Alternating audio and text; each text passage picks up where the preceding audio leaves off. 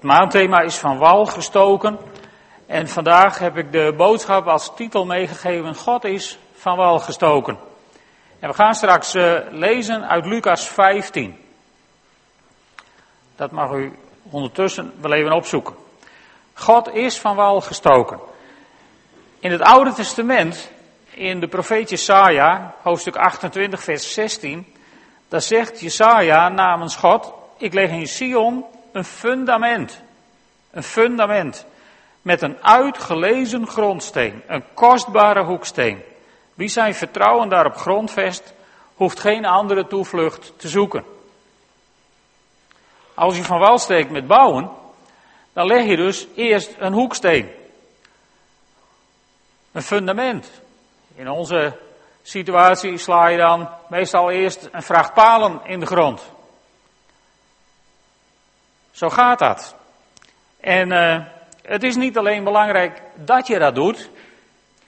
Het is ook belangrijk waar je dat doet. Ik kwam ooit eens op een bouwproject, daar waren ze een huis aan het bouwen en ik denk, wat staat dat hier allemaal vreemd? Want daar hadden ze de palen op het verkeerde plek geslagen en hadden ze met allemaal constructies van balken eroverheen gemaakt en daar stond, daar stond het huis en een meter overzij, daar begon de fundering. Heel vreemd. Ik was blij dat ik er niet hoefde te wonen, dat ik dat huis niet had gekocht.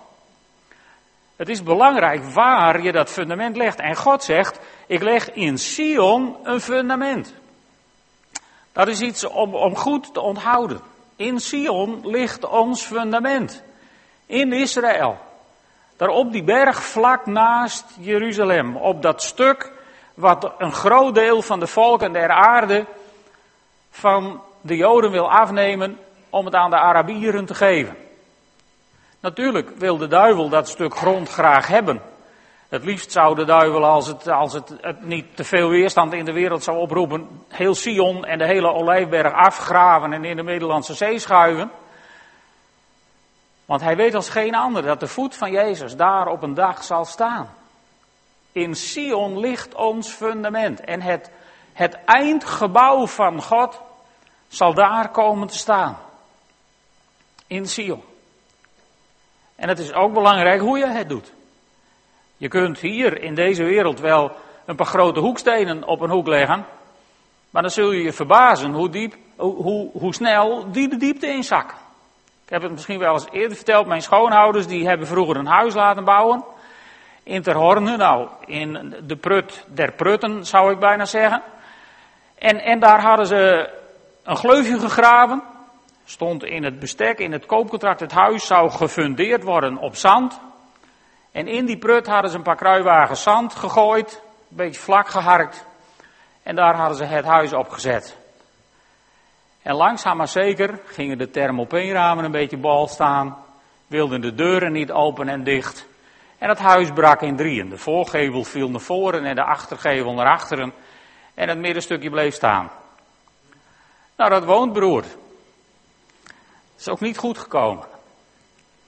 Het is belangrijk dat je een fundament legt, dat je dat op het goede plek legt en dat je het goed doet.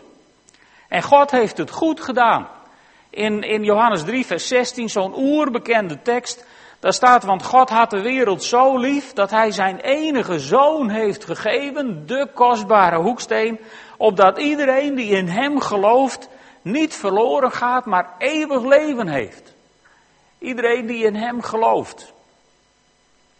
Dat is overigens iets anders dan iedereen die aan de traditionele eisen voldoet. Of die misschien precies naar onze pijpen danst en precies met onze liederen meezingt. Of, daar gaat het dus niet over. Ieder die in hem gelooft, heeft eeuwig leven. Hij is de kostbare hoeksteen. En hij kwam naar deze wereld. Waarvoor kwam hij ook alweer naar deze wereld?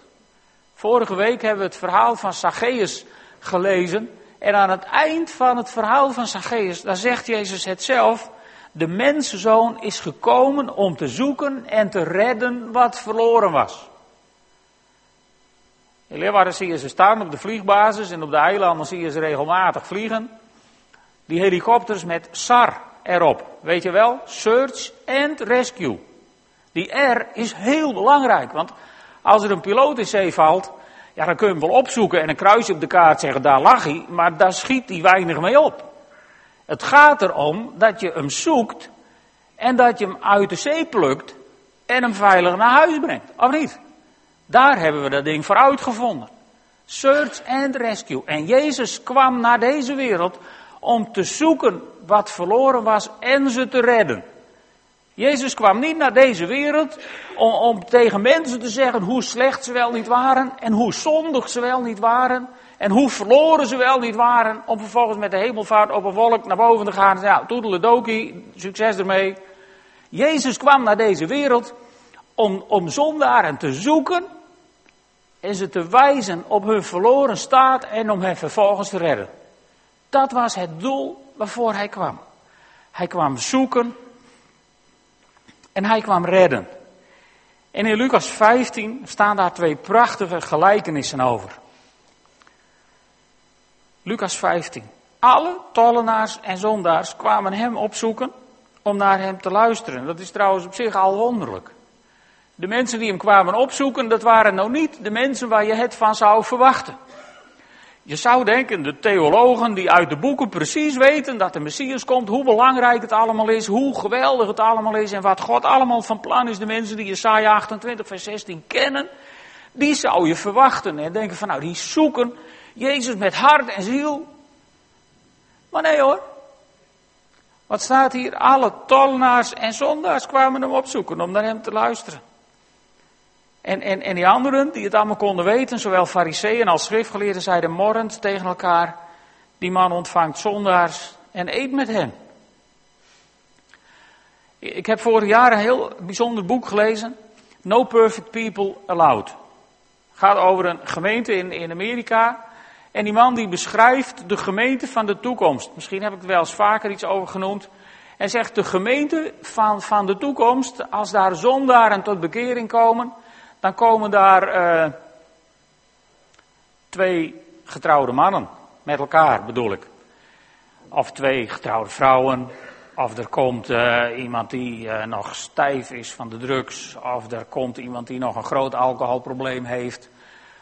En er is grote kans dat er wel iemand tussen loopt die, die, die iets doet met porno en kinderporno. En dat soort mensen, die komen binnen als je dit leest, van, van toen waren het tollenaars en, en die zondaars, nou ga ze maar omschrijven, de zondaars van tegenwoordig.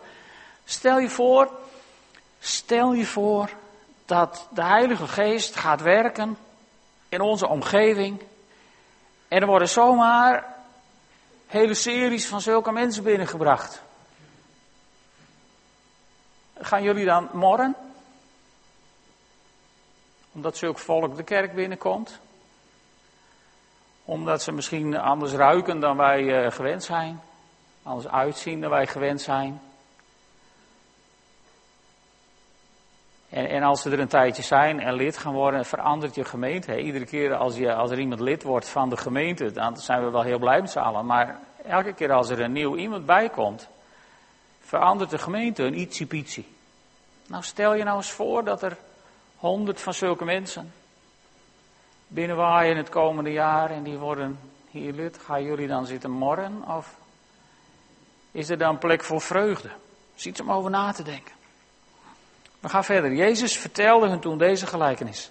Als iemand van u honderd schapen heeft, waarvan er één verloren is geraakt, laat hij dan niet de 99 anderen in de woestijn achter om naar het verdwaalde dier op zoek te gaan tot hij het gevonden heeft? En als hij het gevonden heeft, legt hij het vol vreugde op zijn schouders en gaat naar huis. Daar roept hij zijn vrienden en buren bijeen en zegt tegen hen, delen mijn vreugde, want ik heb het schaap gevonden dat verdwaald was. Ik zeg u, zo zal er in de hemel meer vreugde zijn over één zondaar die dat inkeer komt, dan over de 99 rechtvaardigen die geen inkeer nodig hebben. Dat zijn die 99 gelukkig al in de hemel, dus die zijn al veranderd naar het beeld van God. Maar stel je voor dat die 99 nou nog hier op, op aarde zouden zitten, in hun oude vlees, in hun zondige natuur. Met z'n 99. Je doet alles wat God geboden heeft en, en, en, en je slooft je uit en, en je werkt je te pletter voor de kerk en, en, en je doet van alles. En dan komt er één tot bekering, die heeft nog niks gedaan in de kerk, is ineens feest in de hemel. Ik kan me voorstellen dat je dan met z'n 99 denkt, nou hebben wij het daar nou allemaal voor gedaan. Nou is het woordje wat mij troost in dit stuk, is dit. Er zal in de hemel meer vreugde zijn over één zondaar. Niet, er staat niet dat er geen vreugde is in de hemel zonder die ene zondaar. Als wij met z'n allen zijn in de hemel, ik kan het me niet anders voorstellen dan één groot feest waar engelen zingen en, en, en orkesten spelen en waar het gewoon één groot feest is in de aanwezigheid van God de Vader. En ik stel me voor dat dat feest af en toe even zo'n oprisping heeft, zo'n uitbarsting van ultieme vreugde. En dan stoten ze elkaar aan daarboven en zeggen, er is weer één tot bekering gekomen. Er is weer één gered. En, en ik, ik kan me voorstellen dat die uitbarstingen van vreugde elke seconde wel één zijn. Maar het is niet zo dat er geen blijdschap is om jou. God is blij met jou. Ook al ben je christelijk geboren en zolang je leeft met Hem onderweg, er is blijdschap in de hemel, ook om jou. Maar af en toe vindt die blijdschap, af en toe, herhaaldelijk vindt die blijdschap een, een soort uitbarsting, omdat er weer iemand tot bekering is gekomen. Kennen wij dat ook als er iemand in je omgeving tot bekering komt, dat je ongelooflijk blij bent? Of is het, als, stel je voor dat het iemand is ja, met, met een beetje reputatie, of, of zeg je dan tegen elkaar nooit maar het eerst nog zien? Hoe reageren wij daarop? Als iemand tot bekering komt in de hemel, daar barsten ze uit hun vel van vreugde, omdat er iemand tot bekering is gekomen. Het, het verhaal gaat verder. En als een vrouw tien drachmen heeft en er één verliest, dan steekt ze toch de lamp aan en veegt het hele huis schoon en zoekt ze alles af tot ze het muntstuk gevonden heeft. Er is bij ons geen hond meer die zijn hele huis schoonmaakt om een muntstuk. Maar een drachme in die tijd, dat was een zilverstukje van 4 gram. En dat was een dagloon. Een dagloon. Dus ik weet niet wat je per dag verdient, maar dat was die vrouw kwijt. Ja, en voor een dagloon wil je nou nog wel eens even een stoffer en blik pakken of een kruimeldief of whatever om eens even te zoeken, nog niet?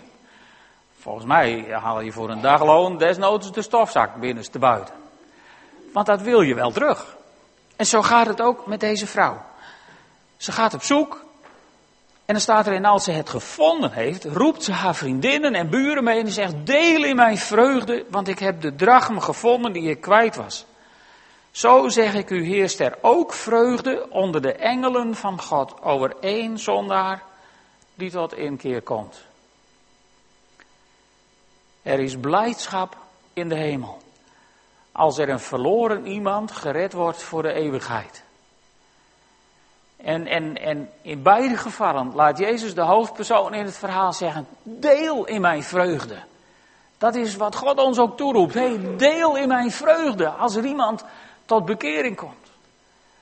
Nog sterker, nog sterker, doe je best ervoor om mensen over Jezus te vertellen en, en ze door hun leven te laten zien wat het voor jou betekent, opdat ze tot bekering komen. Dan kun je ook weer delen in de vreugde. Met andere woorden, mensen proberen bij Jezus te brengen. Dat is gewoon uit zijn op een verzetje. Delen in de vreugde. Delen in de blijdschap van God. Het verhaal gaat nog verder. Het bekendste van deze drie gelijkenissen. Vervolgens zei Jezus, iemand had twee zonen. De jongste van hen zei tegen, tegen zijn vader, Vader geef mij het deel van uw bezit waarop ik recht heb. Dit is een beetje apart. Hier vraagt, hier vraagt deze jongste zoon om datgene waarop hij recht heeft. De manier waarop hij zich opstelt tegenover zijn vader gaf hem inderdaad ergens recht op. Weet je waar hij recht op had? Dat staat in Deuteronomium 21, vers 21. Daar staat een gebod van als iemand een onhandelbare zoon heeft, die net om liek hè, zo een, die, die moet je bij de oudsten van de stad brengen, opdat ze hem buiten de poort brengen en hem stenigen zodat hij sterft. Dus waar had deze jongste zoon met zijn grote mond en zijn opstand tegen zijn vader? Want als je, als je je vader vroeg om het deel waar je recht op had, dan wenste je dat je vader dood was en jij de erfenis kon hebben. Want anders ging het niet. Er was maar één manier om te krijgen het erfdeel waar je recht op had en dat was, dan moest je vader dood. En dat werd in het Oude Testament niet gewaardeerd, dit soort gedachten. Dus waar hij recht op had, was de dood door steniging. Dat kreeg hij niet. Hij kreeg niet waar hij recht op had. Dat heet mercy. twee begrippen van genade kennen jullie vast nog wel. Mercy. God gaf hem genade. De Vader gaf hem genade door hem niet te geven waar hij recht op had. En de God gaf hem nog meer genade. Het Engelse woord grace. Door hem wel te geven waar hij nog lang geen recht op had. Want zijn vader leefde nog. En toch staat er, hij verdeelde zijn bezit onder hen. Dat moet je even vasthouden. Dat woordje hen is heel erg belangrijk in dit verhaal. En dan staat er na enkele dagen verzilverde de jongste zoon zijn bezit reisde af naar een ver land, waar hij een losbandig leven leidde en zijn vermogen verkwiste.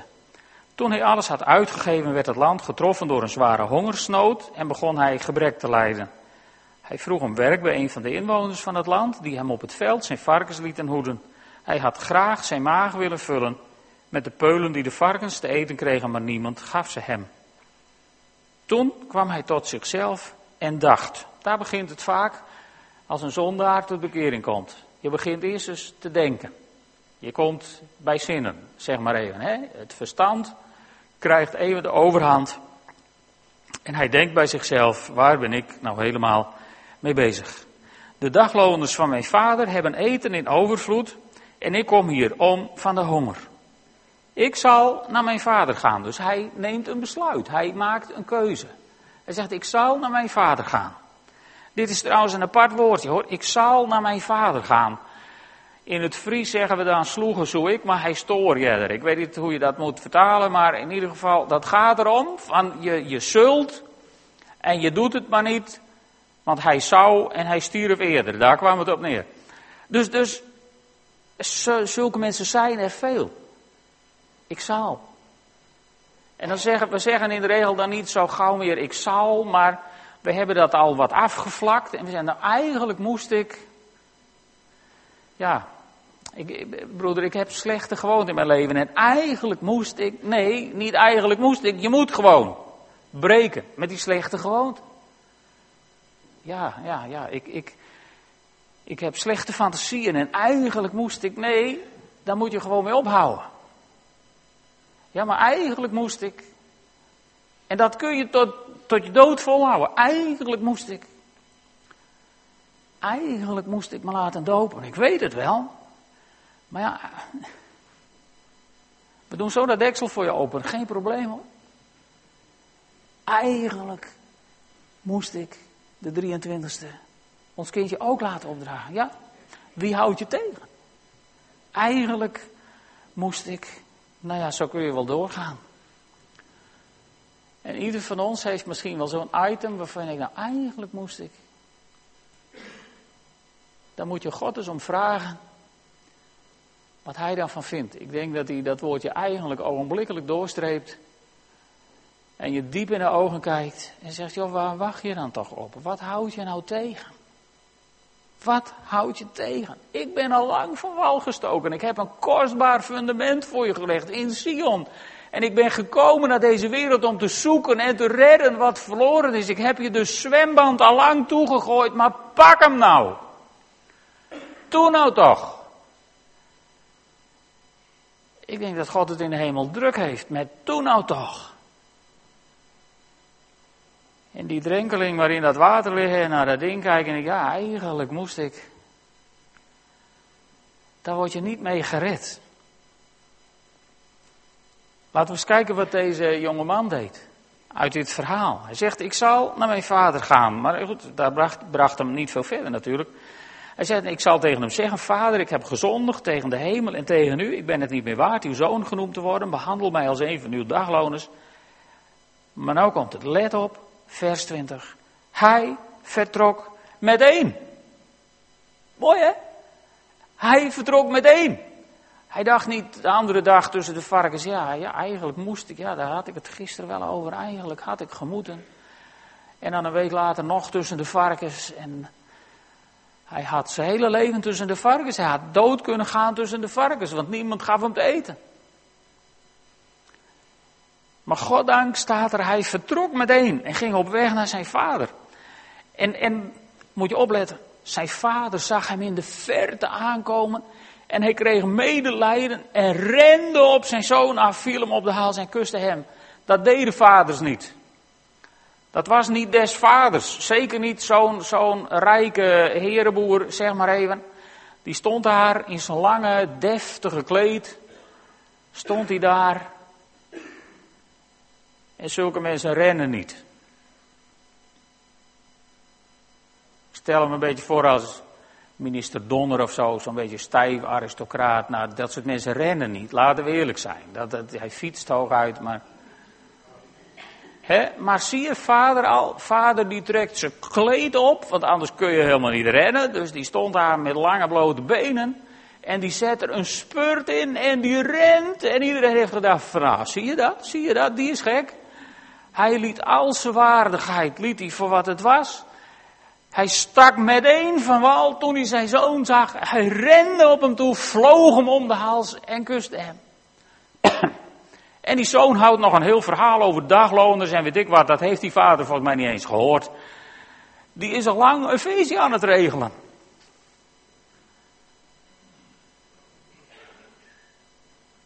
Mooi hè?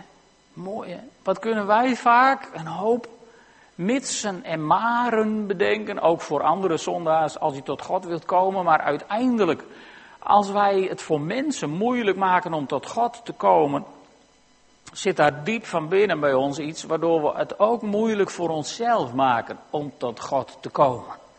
Want dat zit in wezen in ons hart. Hè? Dat komt dan naar buiten. Wat kunnen we het soms ingewikkeld maken om naar God te komen? En, en God heeft al lang, die heeft al lang zijn lange jas tot ver boven zijn knieën opgetrokken. En die rent al lang in onze richting. om ons om de hals te vliegen en ons te kussen, want er is meer feest in de hemel om één zondaar die tot bekering is gekomen. En zo gaat die vader, die gaat een feest organiseren, die herstelt hem in zijn rechten. Opnieuw, mercy, hij krijgt niet wat hij verdient. Hij krijgt alles wat hij niet verdient. Een nieuwe ring om zijn vinger. De koninklijke mantel van zijn vader krijgt hij weer aan. Hij krijgt sandalen aan zijn voeten. Met andere woorden, hij is geen slaaf meer.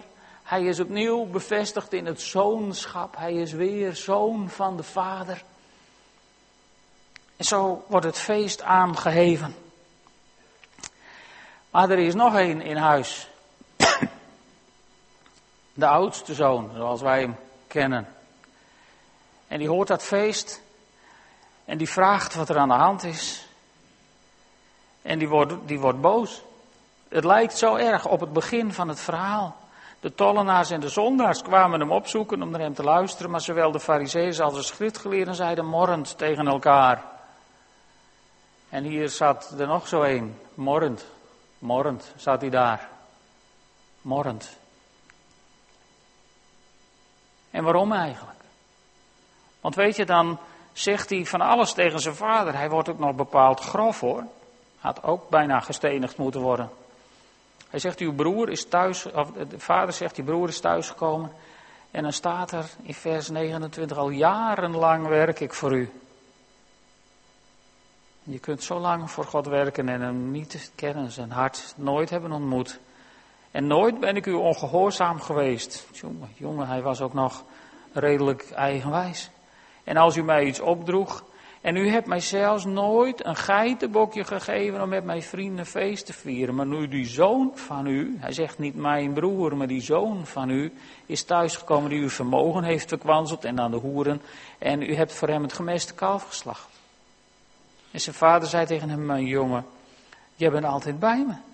En alles wat van mij is, is van jou. Dat was geen lege zin hè, van die vader. Hebben jullie het onthouden? Hen, hij verdeelde zijn bezit onder hen. Met andere woorden, twee derde deel voor de oudste zoon. Maar die kreeg een dubbel deel. En een derde voor de jongste zoon. Dus hij had twee keer zoveel dan die andere. En hij had er nooit, nooit van genoten. Hij had nooit de lusten genomen van zijn bezit. En lieve vrienden, het is om het even. Of je nu verhongert tussen de varkens of tussen de geitenbokjes. Beide keren ga je dood. Beide keren geniet je niet van het leven. En dan kun je nog zo vroom zijn in het huis van de Vader. En nog zo gehoorzaam denken te doen, alles wat de Vader je heeft opgedragen. Maar als je nooit eet van de geitenbokjes die hij voor jou ter beschikking heeft gesteld, is je nooit een leuke barbecue organiseert. Met zoveel vlees om je heen. Dan kan God er ook echt niks meer aan doen. Ik denk dat deze oudste jongen verlorener was dan de jongste ooit is geweest. Ondanks het feit dat hij zo dicht bij de vader woonde. Alles wat van mij is, zegt vader, is van jou. Ja, had feest gevierd met je vrienden. Had genoten van het leven. Je krijgt van deze jongen de indruk dat hij klaagt omdat hij zich te pletter heeft gewerkt. Terwijl die zoon van de herenboer was de erfgenaam, de eerstgeboren. Ik bedoel, hij had maar zo hoeven doen en de draafde een slaaf. En als hij tegen een van de bedienden had gezegd, joh ploeg jij die jakker maar even, want ik heb vandaag, ik ga een geitenbokje slachten met mijn vrienden. Dan was dat klaar geweest. Dan had hij een feestje gehad en s'avonds was ook het werk nog gedaan. Dat was zijn positie. Hè? Dat moet je even goed voor ogen houden. Dat was de positie van die oudste jongen. Hij had alles tot zijn beschikking. En hij deed er niks mee. Hoe zielig kun je zijn als erfgenaam van de Vader? En hoe is het met ons? Want als Jezus gelijkenissen vertelt, gaat het altijd over ons. Zijn het altijd spiegels om even in te kijken? Hoe is het met ons? Hoe is het met, met jou, met u? Alles is het onze. Want de Vader heeft ons alles gegeven. Een kostbaar fundament heeft hij gelegd in Sion en hij heeft zijn enige zoon gegeven opdat we eeuwig leven. Hij is gekomen om ons te zoeken en te redden. Hoe is het nou met ons? Hoe staat u nou in uw geloof? Alles is het onze. We hebben het hele volmaakte woord van God. Hadden ze toen nog niet. Wij wel. Voed je je daarmee? Dagelijks. We hebben door het offer van Jezus Christus aan het kruis vrije toegang tot de Vader. En Yveske heeft daar net iets van verteld wat dat kan uitwerken als je vrijmoedig toetreedt tot de Vader om voorbeden te doen, bijvoorbeeld.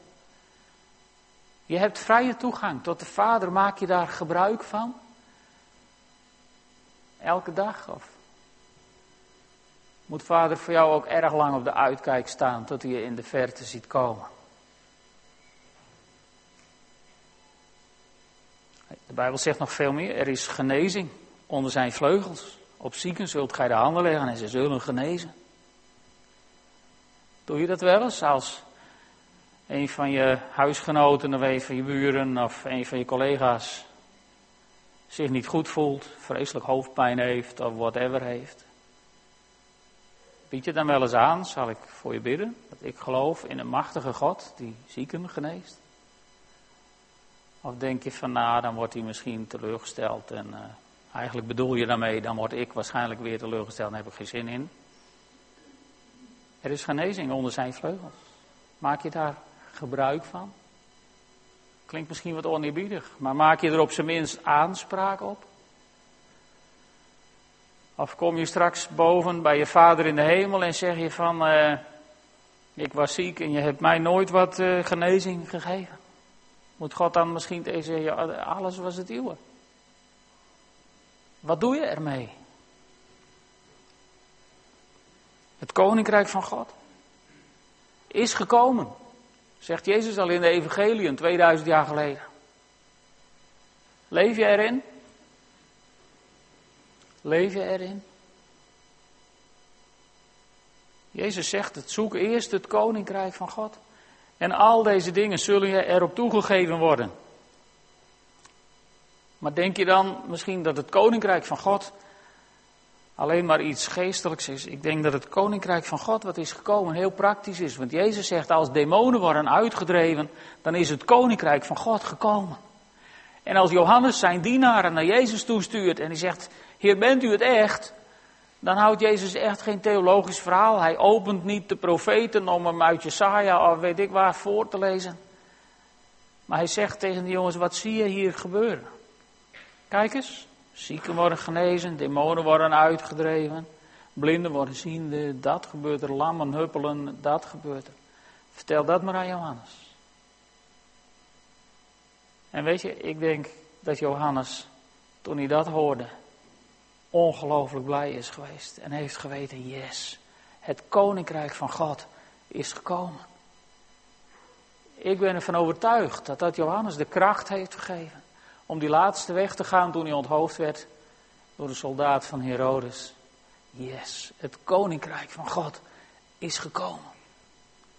En wij leven na Johannes. Wij leven na Christus. Wij leven na de opstanding van Jezus uit de doden, lieve vrienden. En de opstandingskracht waarmee Jezus Christus opstond uit het graf is de onze.